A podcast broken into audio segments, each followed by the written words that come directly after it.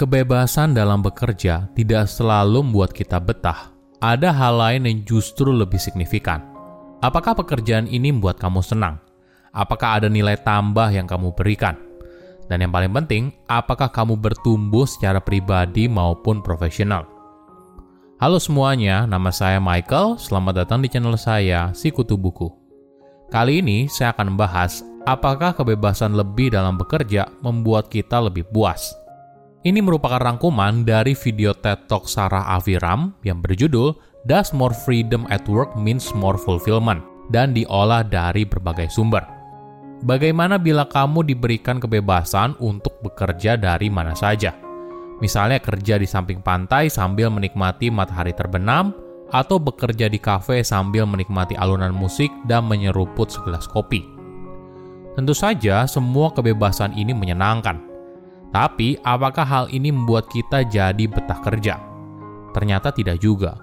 Kebebasan kerja sendiri ternyata tidak masuk dalam lima alasan terbesar seorang untuk mengundurkan diri. Jadi, apa yang membuat seseorang betah dalam bekerja? Sebelum kita mulai, buat kalian yang mau support channel ini agar terus berkarya, caranya gampang banget. Kalian cukup klik subscribe dan nyalakan loncengnya. Dukungan kalian membantu banget supaya kita bisa rutin posting dan bersama-sama belajar di channel ini.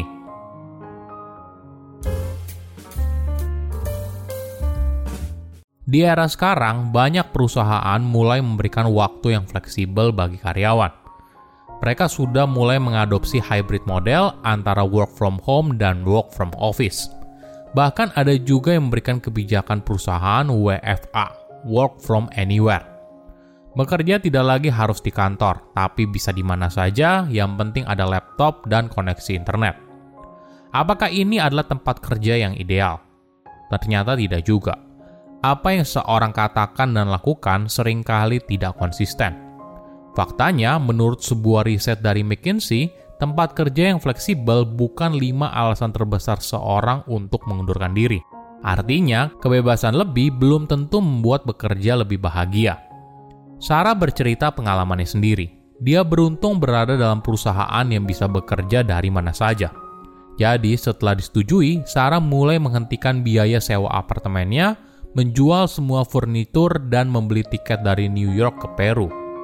Di sana, dia bisa bekerja secara virtual, lalu bisa surfing sambil menikmati sunset. Kemudian, Sarah pindah ke Meksiko, di mana dia bekerja di samping kolam renang.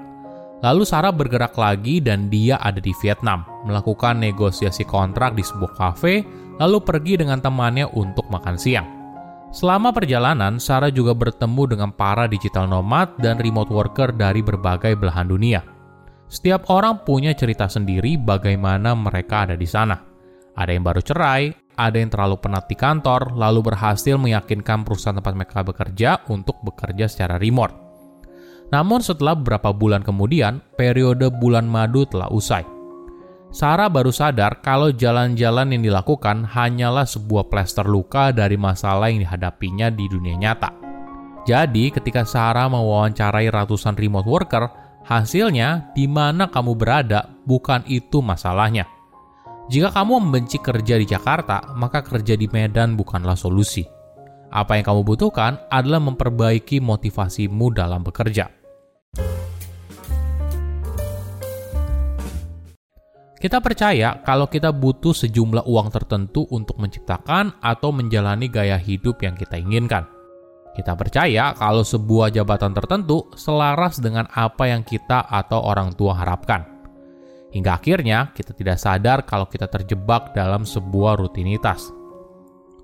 Ketika kamu tidak membebani Ketika kamu tidak membebani diri soal uang, identitas diri, dan rutinitas, maka kamu bisa fokus pada peluang untuk mengembangkan diri, memberikan dampak, dan perasaan bahagia.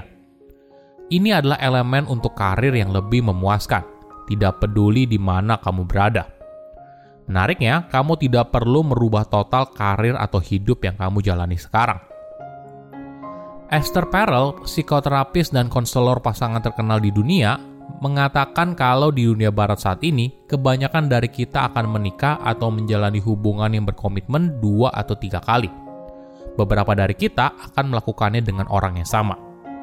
Coba pikirkan sejenak, Esther mengatakan kalau sebagian dari kita akan membangun dan mengalami hubungan baru dengan orang yang sama. Mungkin hal serupa juga bisa diterapkan pada hubungan kamu dengan pekerjaan di perusahaan yang sekarang. Mungkin setelah berhasil melewati masa-masa sulit, tawaran dari eksternal yang menggiurkan, atau bekerja dalam waktu yang lama, daripada memutuskan untuk mengundurkan diri, bagaimana bila kamu mencoba untuk mencari dan menciptakan jalan yang lebih baik untuk maju bersama? Tentunya, kamu mungkin tidak bisa mendapatkan semua yang kamu inginkan. Tapi mengingat betapa banyak waktu yang kamu habiskan dalam bekerja, saya rasa ini layak dicoba untuk membuatnya semaksimal mungkin. Ketika terjadi pandemi, hampir semua orang dipaksa untuk bekerja dari rumah ada yang senang karena bisa bekerja sambil pakai piyama, waktu yang lebih fleksibel, dan pada akhirnya kebahagiaan hidup mereka meningkat sesaat. Tapi ketika semuanya usai, mereka kembali dihadapkan pada dunia nyata. Sama halnya ketika fasilitas kantor ditarik, entah itu cemilan gratis di pantry, outing ke luar negeri, dan sebagainya, yang tersisa hanyalah pekerjaan itu sendiri dan motivasi kita bekerja. Kita mulai bertanya pertanyaan yang penting apakah saya menyukai pekerjaan ini? Apakah ini sepadan dengan waktu yang saya curahkan? Apakah ini memang pekerjaan yang saya inginkan? Pertanyaan ini tentu saja penting untuk mengecek kembali apa yang kamu jalani selama ini. Tapi masalahnya, banyak orang merasa kalau mereka harus mengubah hidup mereka sepenuhnya, bahkan sampai mengundurkan diri tanpa adanya rencana yang jelas. Mereka hanya ingin awal yang baru, tapi ketika mereka menemukan pekerjaan baru atau menjalani bisnis sendiri, mungkin saja mereka kembali merasa kalau apa yang mereka jalani sekarang juga tidak sesuai harapan. Kita bisa saja merasa bahagia, tapi tidak puas.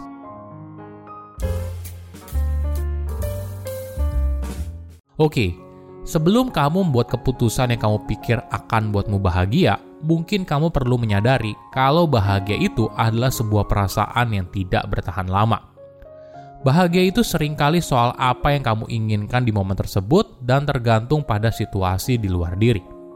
Jadi pilihan yang lebih baik adalah kepuasan diri. Ada tiga elemen yang bisa kamu pertimbangkan untuk menciptakan sebuah kepuasan diri dalam bekerja. Pertama, kesenangan. Apakah pekerjaan sekarang memberikanmu energi untuk melakukannya lagi dan lagi? Perlu dipahami, bukan artinya ketika kamu jago di satu hal, maka artinya kamu suka mengerjakan hal tersebut. Jadi, kamu harus benar-benar perhatikan apakah pekerjaan ini memberikanmu kesenangan atau tidak. Kedua, dampak. Bagaimana cara kamu memberikan nilai lebih bagi perusahaan? Jika kamu kesulitan menjawabnya, mungkin kamu bisa bertanya pada rekan kerja atau atasan fokuslah pada pekerjaan yang berada di jalan tengah keduanya. Di satu sisi sesuai dengan apa yang kamu inginkan, tapi di sisi lain, pekerjaan ini juga memberikan nilai tambah bagi bisnis. Ketiga, bertumbuh. Pengetahuan atau keahlian apa yang kamu dapatkan dari pekerjaan sekarang.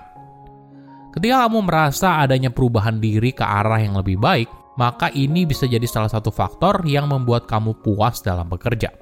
Silakan komen di kolom komentar pelajaran apa yang kalian dapat ketika tahu informasi ini. Selain itu, komen juga mau tahu informasi apa lagi yang saya review di video berikutnya. Saya undur diri, jangan lupa subscribe channel YouTube Sikutu Buku. Bye bye.